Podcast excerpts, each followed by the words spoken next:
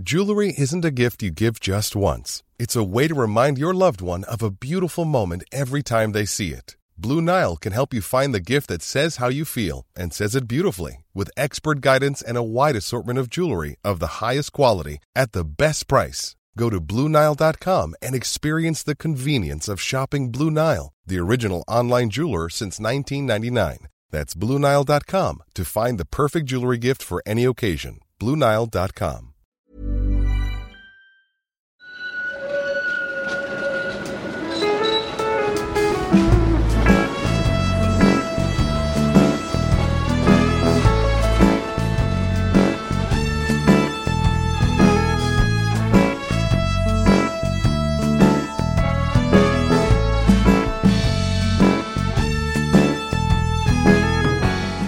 Hej och välkomna till Gator och torg i Göteborg. En podcast om platser i just Göteborg. Det här avsnittet görs i samarbete med Mitt i Göteborg. Jag heter Magnus Johansson och är redaktör på tidningen och med mig som vanligt är Göteborgskännaren och krönikören Mattias Axelsson. Det lät som en sån här introduktion av en eh, host i tv-program. Så kom jag in och förväntade mig stora applåder när jag Ja, men- äntrade scenen. Det var det jag också förväntade mig. Ja, härligt, härligt, fan. Ny tidning mitt i Göteborg. Ja, Spännande. Eh, 25 februari är det dags. En tidning om Göteborg helt enkelt. Vi har ju gjort det sedan tidigare men nu fokuserar vi. Det blir väl lite roligare, lite bättre och eh, lite mer fokuserat på Göteborg. Kanske inte så mycket stans olika stadsdelar som det var förut.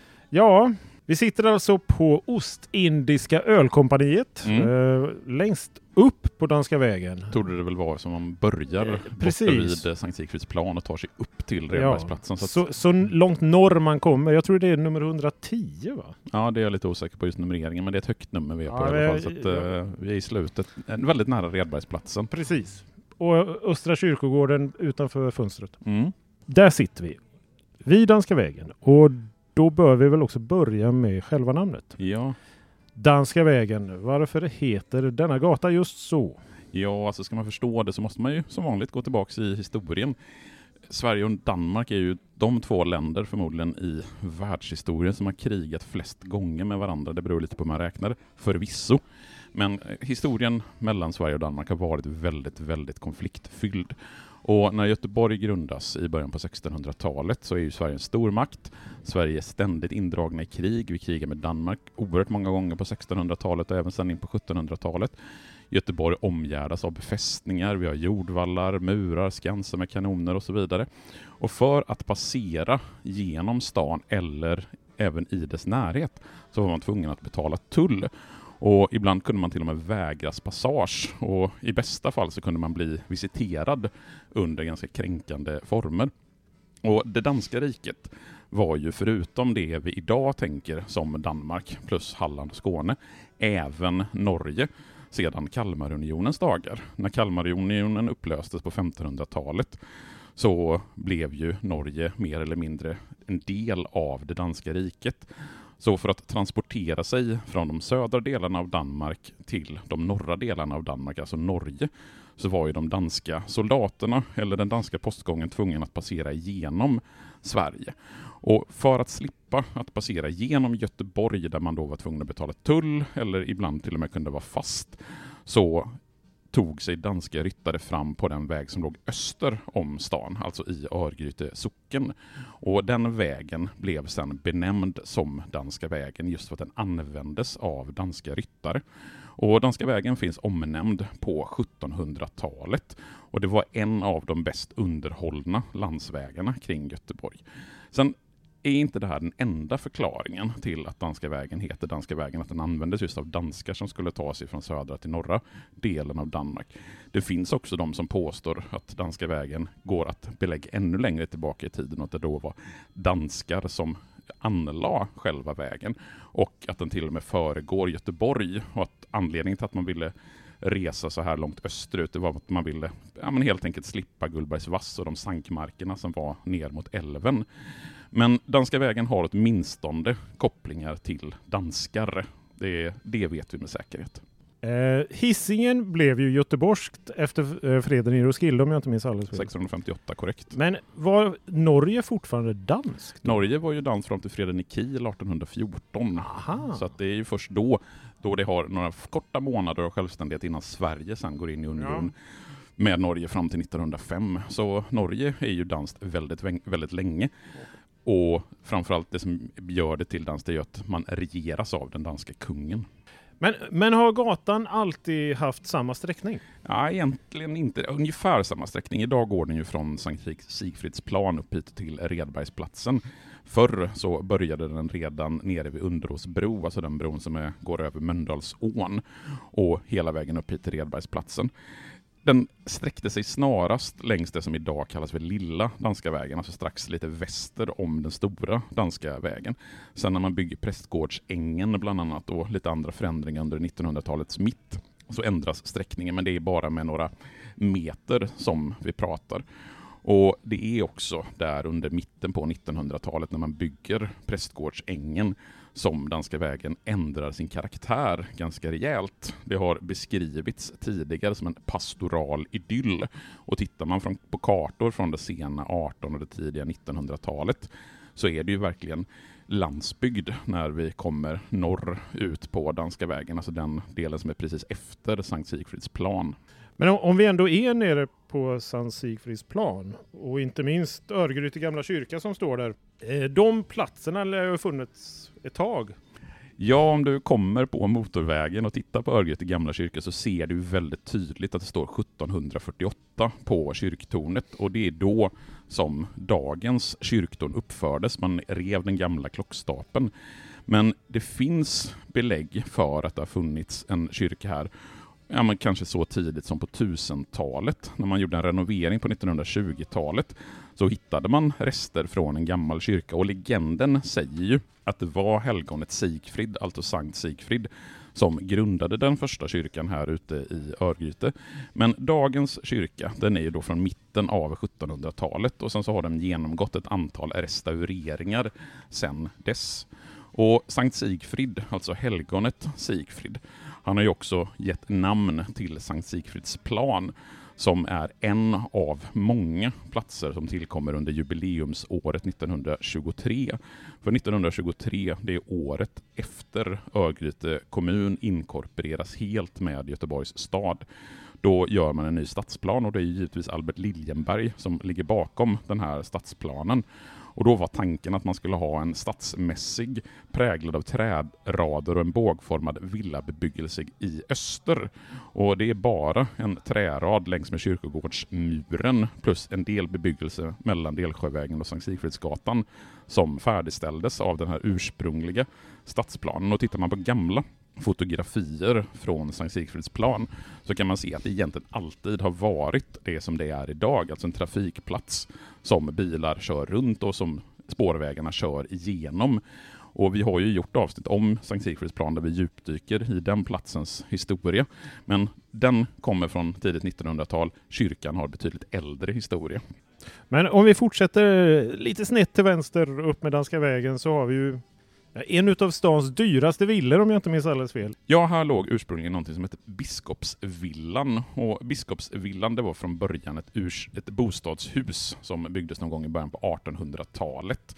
Och 1835 så överlät man huset till biskopen Karl Fredrik av Vingård och därav namnet Biskopsvillan. När man sedan i slutet på 1800-talet gör en stadsplan för villor längs med Götebergs äng så flyttas hela huset från Wilhelmsberg till Södra vägen 50 och blir en i raden av flera villor som låg längs med vägen, alltså längs med Södra vägen. Och när sedan Världskulturmuseet planerades och skulle byggas i början på 2000-talet så river man och flyttar villan från Södra vägen och återuppför den i Örgryte uppe vid Alelundsgatan. Och det ska vara Göteborgs äldsta trävilla. Men när man då flyttar den här biskopsvillan så bestämmer sig köpman Julius Lindström, som är både kommunalpolitiker och riksdagsman, att man ska bygga en pampig villa i sten med förebild i slott i Normandie. Och det är ju verkligen, när man tittar på den här byggnaden, ett slottsliknande, ett palatsliknande byggnad. Det är oregelbundet, det är tinnar och torn, det är balkonger och det är altaner. Det ska vara 766 kvadratmeter och 22 rum, varav sex sovrum.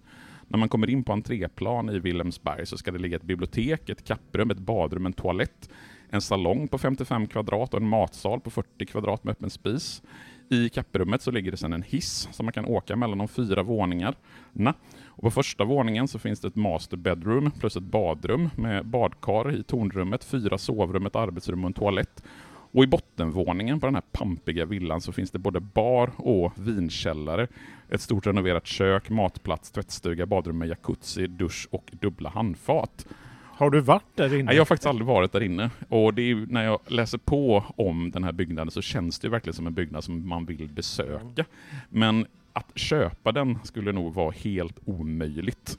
Eftersom om man tittar på priserna i nutid så har vi 22 miljoner, vi har 47 miljoner, vi har 57 miljoner. Alltså det är oerhörda summor som den här villan har gått för under de senaste åren. 1969 så hotades faktiskt huset av rivning, men då var det byggnadsingenjör Sven Nylund som köpte huset. Jag har tyvärr inte hittat vad han köpte huset för 1969, men han räddade då det här slottet från att rivas. Och istället så har det nu då under de senaste åren sålts för tiotals miljoner kronor och ligger verkligen där som ett slott längs med Danska vägen. Fast det är inget slott, även om det ser ut som ett. Ja, det är ju inspirerat av slott från Normandie, eh, franska slott. Men nästa stopp på vägen, men det är Överås slott? Ja, Överås slott. Det är ju nästan samtida med Wilhelmsberg. Det är i alla fall andra halvan av 1800-talet. Och det är ju en av alla de här skotska ättlingarna som har satt sin prägel på Göteborgs historia, nämligen James Dixon den yngre, som 1865 låter bygga Överås slott. Och Överås har ju fått sitt namn av ett jordbruk som låg där. Vi hade ju både Överås och Underås i Örgryte socken. Och namnet Överås det finns belagt sedan åtminstone 1500-talet. Och redan innan själva slottet eller villan byggdes så byggde man en park och en trädgård som har beskrivits som en av de mest storslagna trädgårdarna runt Göteborg. Uppe på berget som ligger bakom Överås slott så finns det rester av den gamla parken som då tillhörde det här stora huset. Och på det högsta krönet så finns det en bänk i sten som är omgiven med inskriptioner i berghällarna. Och den äldsta av de här inskriptionerna ska vara från 1820, men en av de mest intressanta, den är eh, skriven At this place the solar eclipse from the 28 July 1851 was observed by Great British Airy Astronom Astronomer Royal to Greenwich. Och det är alltså brittiska sällskapet som sökte en god utsiktspunkt och fann den här uppe ovanför Överås. Sen dör James Dixon 1885 och hans dotter Beatrice Dixon tar över. Sen säljs den vidare till kusinen och grosshandlaren Robert Dixon så att det här slottet då skulle få stanna i släkten. Sen köper Göteborgs stad Överås slott 1923 och säljer den samma år till Metodistkyrkan. Och fram till 2007 så hade Metodistkyrkan sitt teologiska seminarium i huset. Och resten av marken upplät Göteborgs stad till bygget av en ny villastad, Örgryte trädgårdsstad. Och sen så har Wallenstam, som var aktiv i Betlehemskyrkan, han köpte fastigheten år 2019. Och står man här vid Överås så kan man få en ganska konkret känsla av hur Danska vägen såg ut under 1800-talet. Det finns många villor runt omkring med trädgårdar och parker. Och de här byggnaderna, Överås och Wilhelmsberg, det är egentligen de enda som finns kvar längs med Danska vägen från det sena 1800-talet. Men är det festlokal nu eller? Man kan använda det lite olika. Man kan hyra in sig där och ha bröllop ja. till exempel. Jag vet att vi tittade på att ha det, men det var ganska dyrt att ha bröllopsfest. Fest, från, från fest, ja, bröllopsfest, det hade varit praktiskt då om man hade gift sig i Örgryte nya kyrkan. Som ligger ett lagom stenkast därifrån. Ja, då kommer vi in på det sena 1800-talet igen. För 1880-talet det präglas ju i Sverige av både industrialisering och urbanisering. Människor, människor som flyttar från landsbygden in till Göteborg och även in till Örgryte som låg då alldeles kloss an till Göteborg. Det här gör ju att Örgryte församling växer kraftigt, vilket gör att Örgryte gamla kyrka med knappt 250 sittplatser blir för liten. Så istället så bygger man den här nya kyrkan i nygotisk stil och den invigs den 6 juli 1890 av biskop Edvard Råde som har fått Edvard Rådes väg i Bräcke uppkallat efter sig som en, eh, som en sträckning. Och under den period som har förflutit sedan kyrkan invigdes på 1890-talet så har man gjort eh, ett par större renoveringar. På 30-talet, som är funkisens stora årtionde, så slätströk, och, slätströk man både tak och väggar och målade koret rosa. I, på 1970-talet så gjorde man en ny renovering som gick mer i blått. Och sen har den nordtyska barockorgen byggts om i slutet av 1990-talet. Och I och med att man skulle göra en ombyggnad av den här orgen så hittade man spår av färg från den ursprungliga målningen och då blev målet att man skulle återställa kyrkan eh, till sitt ursprungliga utseende på insidan. Och Som jag nämnde så är den här kyrkan samtida med Örgryte trädgårdsstad som vi pratade ganska mycket om i avsnittet om Sankt Sigfrids plan. För om det är någonting som har präglat den här delen av Danska vägen, förutom de här två pampiga byggnaderna Överås och Wilhelmsberg, så är det ju framväxten av en villastad under det sena 1800 och tidiga 1900-talet. Och då var det Bö herrgård som ägde merparten av marken runt den nya kyrkan. Och sen så grundades Bö villastad på 1890-talet och man styckade av tomterna norr om till villatomter. Sen är det i och för sig inte förrän att eh, Örgryte inkorporeras med Göteborg 1922 som utvecklingen tar ordentlig fart i och med att man börjar också bygga radhus i området. Efter kyrkan kommer alltså ett helt annat område än tidigare, även om den också har en kyrklig prägel med tanke på namnet Prästgårdsängen. Yes, då lämnar vi ju Örgryte villastad och kommer till Prästgårdsängen och det är ju ett namn som förpliktigar, känns det som. Eftersom Prästgårdsängen, det hör man ju på namnet, att det är gamla bet betes och ängsmarker som tillhörde då den gamla prästgården i Örgryte. Men idag så är ju Prästgårdsängen tre stycken skivhus som är mellan åtta och nio våningar, sammanlagt 442 lägenheter. Sen så ligger också 44 stycken envåningsbyggnader, någon serviceanrättning och en park i anslutning till Prästgårdsängen. Och redan i slutet av 1950-talet så bestämde man att man skulle börja bebygga Prästgårdsängen. För då ska man komma ihåg att emellan Örgryte villastad och Redbergsplatsen så var det ju i princip tomt fram till det tidiga 1900-talet. Eller egentligen fram till mitten på 1900-talet. Prästgårdsängen är ju just betes och ängsmarker. Men i och med att det efterkrigstidens Göteborg väldigt tydligt präglas av arbetskraftsinvandring, fortsatt urbanisering, en industri som går på högvarv. Det kommer helt enkelt fler och fler människor till Göteborg, vilket innebär att man måste ha fler bostäder. Så redan i slutet på 1950-talet så finns det planer på att bygga hus i området och det är det kommunala bostadsbolaget som börjar projektera byggandet. Och sen så står hela Prästgårdsängen färdigt 1965. Det innebär alltså att Prästgårdsängen, även om det rent arkitektoniskt liknar miljonprogramsområdet, så är det rent tekniskt inte en del av miljonprogrammet, för det är ju de bostadshus som byggs mellan 1965 och 1974. Men den arkitekt som skapade skivhusen, Johan E. Tuvert, han hade en vision om att allt skulle byggas på plats. Byggmaterialet skulle vara av högsta klass. Det skulle vara stora lägenheter med ekparkett. Det skulle vara helkaklade badrum och detaljer designade av prins Sigvard Bernadotte. Och en liten rolig detalj med tanke på namnet på den gata som vi pratar om, det är ju att husen är byggda med danskt sjösten och emaljerad gråplåt och ärgad kopparplåt. Och det här är väl egentligen det enda danska som finns längs med Danska vägen, att Prästgårdsängen är byggd just i dansk sjösten. det finns säkert någonting annat, kanske finns någon dansk som bor på Danska vägen också. Detta älskade material, dansk sjösten. Ja. Men efter Prästgårdsängen så skiftar ju Danska vägen karaktär igen och eh, så kommer vi upp till Kära Lundsgatan. Ja, Kära Lundsgatan, det är ju där Prästgårdsängen tar slut kan man säga. Ja.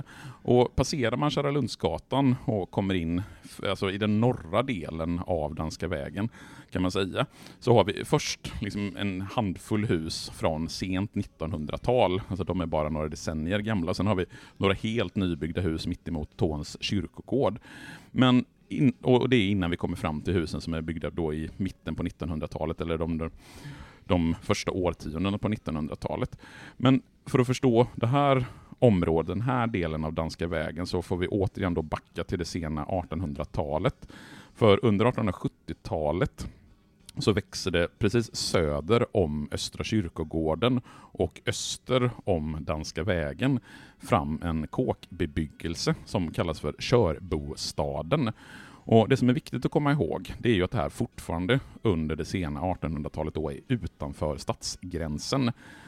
Begravningsplatsen och Sankt Pauli kyrka och Redbergsplatsen tillhör ju Göteborg, men det som ligger söder därom tillhör ju Örgryte socken. Och Det betyder att den delen där körbostaden växer fram inte påverkas av de stadsplaner och de, de regleringar som gäller i en stad, som ju Göteborg är. Örgryte är en socken och då gäller andra regler för hur man får bygga. Så därför är det ganska praktiskt att, kunna, att det växer fram en bebyggelse som är lite mer vildvuxen, som då har karaktären av kåkbebyggelse. Sen 1922 så blir ju dels Lunden, men också hela Örgryte socken, eller landskommun som det hade blivit då, en del av Göteborgs stad. Det är ju en av alla de här inkorporeringarna som sker under slutet på 1800 och början på 1900-talet. Och samtidigt med det så börjar man riva den här gamla kåkbebyggelsen och ersätter den med landshövdingehus längs med Danska vägen och i Lunden. Flera av de här landshövdingehusen de rivs i sin tur under rekordåren och ersätts av mer moderna hus. De sista träkåkarna i gamla Körbostaden och de sista träkåkarna längs med Danska vägen de rivs på 1950 och 1960-talet. Och när vi då kommer fram till den här delen, och då är vi ju nästan i slutet på Danska vägen, då kan vi konstatera att vi har rört oss igenom en hel del olika stilepoker. Vi har ju dels den där pampiga slotten och pampiga villorna från mitten på 1800-talet i början på Danska vägen. Vi har också rekordårens bebyggelse i Prästgårdsängen. Men vi har också landshövdingehusen från det tidiga 1900-talet och efterkrigstidens lite mer moderna bebyggelse. Så Danska vägen är ju väldigt tydligt ett en, en resa genom olika stilepoker i Göteborgs historia. Vi lämnar körbostaden därhen mm. och eh, når fram till Redbergsplatset och inte minst huset vi sitter i just nu. Mm. Hur länge har detta hus funnits? Så länge jag minns i alla fall. Ja, du är född efter 1934. De, de säger det. Ja. De, ja, även om du ser ganska gammal ut så är du... Nej, huset byggdes 1934 och det var Göteborgs arbetarförening som uppförde det, det här huset. Och då var det bland annat samlingslokaler och butiker. Fram till 1971 så ska det också funnits en biograf här och idag så används den här gamla stora salen just till ölhall. Och det är ju där vi sitter och eh, inmundiga, lite smaskiga öler. Och Redbergsgården och Redbergsplatsen och Redbergslid som den här stadsdelen som börjar här där Lunden tar slut. Den har ju fått sitt namn någonstans ifrån och också där, på samma sätt som med Danska vägen, så finns det lite olika hypoteser om var namnet kommer ifrån. Det är en gammal plats, men det är ett relativt nytt namn. Det ska ha funnits en krogägare på 1700-talet som hette Anders Rebba, som då ska ha gett namn till Rebbas lid, som i sin tur blev Redbergs lid. En annan hypotes är att landeriet kallades för Redberg tidigare än så, att red, eller rid, då ska ha syftat på de danska ryttarna som red längs med danska vägen. Själva namnet Redbergsplatsen, det har jag åtminstone hittat belägg för från 1883, det är första gången som det nämns i tidningstext. Så, men Redbergslid har ju funnits längre än så, men namnet har vi sedan 1800-talets slut och den här, det här huset som vi sitter i, det är från 1934. Vilket landeri var det som låg här? Det är Redbergs Okej. och sen så ligger även stora och lilla Olskroken, låg ju precis i Ja. närheten nerför backen där nere. Ja, det, det fanns ju en, en hel del landerier här. Ja, det kan man ju verkligen säga har präglat Göteborgs ytterområden som var på den tiden. Eh, Jag frågade runt eh, för skojs skull Mm. eh, bland lite folk och frågan var vilken är Göteborgs längsta gata? Och tror eller ej, men de flesta gissade faktiskt på Danska vägen, men det stämmer ju inte alls. Nej, den är ju två kilometer lång, så den Ja. är ju en ganska imponerande sträckning. Vet du vilken som är den längsta vägen? Hjalmar Brantingsgatan. Ja, jag hade kunnat gissa på Karl Johansgatan, för den är också duktigt lång. Den är också, men- ja, Men Hjalmar Brantingsgatan är nog, fan, den är nog faktiskt betydligt ja, längre. Den, är en hel del längre. Men ja, om man inte nu orkar gå hela Danska vägen så har ju vi gjort det åt er. Mm. Eh, f- Från då Örgryte gamla kyrka till Redbergsplatsen. Men eh, vad är Danska vägen för plats idag? Ja. 2023? Ja, det kan man ju spekulera kring. Jag la som vanligt upp frågan på sociala medier och frågade vad folk tänker när de tänker Danska vägen. Och om du skulle gissa en, en, en butik som folk förknippar med Danska vägen, en typ av en verksamhet som ligger med Danska vägen, vad tror du de flesta hade svarat då? Ah, en typ av Nej, verksamhet. inte en typ, en, en specifik en specifik butik, butik. som ligger på Danska vägen som folk tänkte det här var Danska vägen. Det var nästan en tredjedel av de som svarade sa just den butiken. Colorama? Nej, Lejonet och björnen. Ja just det Den ja! ligger ju ja, här på ja. Danska vägen. Det stämmer. Och den eh, har ju faktiskt ett eh, ursprung sedan 1977, så det är en gammal butik. Sen gick ju den i konkurs 2008, men eh, återstartades på något, jag vet inte riktigt hur de här företagssammanslagningar och liknande nystartade. Håkan Mild är ju delägare i Lejonet och björnen idag. Men det jag tyckte var lite intressant när jag frågade runt på sociala medier, det är att merparten av de som tänker Danska vägen, de tänker just den här sträckan från Redbergsplatsen och sen några hundra meter upp på. Det är det som är Danska vägen. Ja. Det som är nere vid Sankt Sigfrids plan, den delen, det är inte många som tänker på det just som Danska vägen. När vi är borta i Örgryte, Lunden, ja, då är det Danska vägen.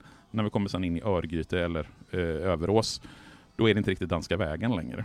Då är det dags att runda av. Jag säger det igen. Vi har gått längs hela Danska vägen och eh, ni bör göra detsamma. Två kilometer. Jättetrevligt. Och vill ni se bilder så gå in på vårt Instagramkonto som heter Gator och torg i Göteborg. Det kan ni hitta på Instagram. Eller Mitt i Göteborgs Instagramkonto ska ni också följa. Tycker jag. Då hörs vi om en vecka. Det gör vi. Hej då! Hej!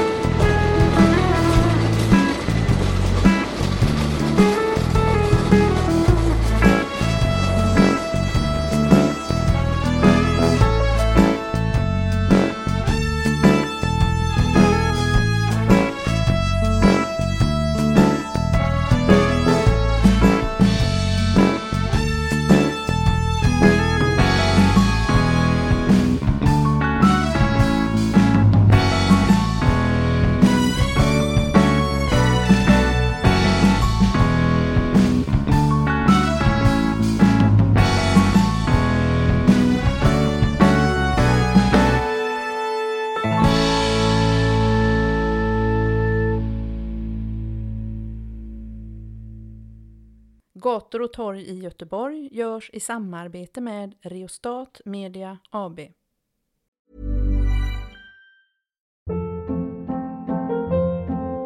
Hold up. What was that? Boring. No flavor. That was as bad as those leftovers you ate all week. Kiki Palmer here, and it's time to say hello to something fresh and guilt-free. Hello Fresh. Jazz up dinner with pecan-crusted chicken or garlic butter shrimp scampi. Now that's music to my mouth. Hello Fresh. Let's get this dinner party started. Discover all the delicious possibilities at hellofresh.com.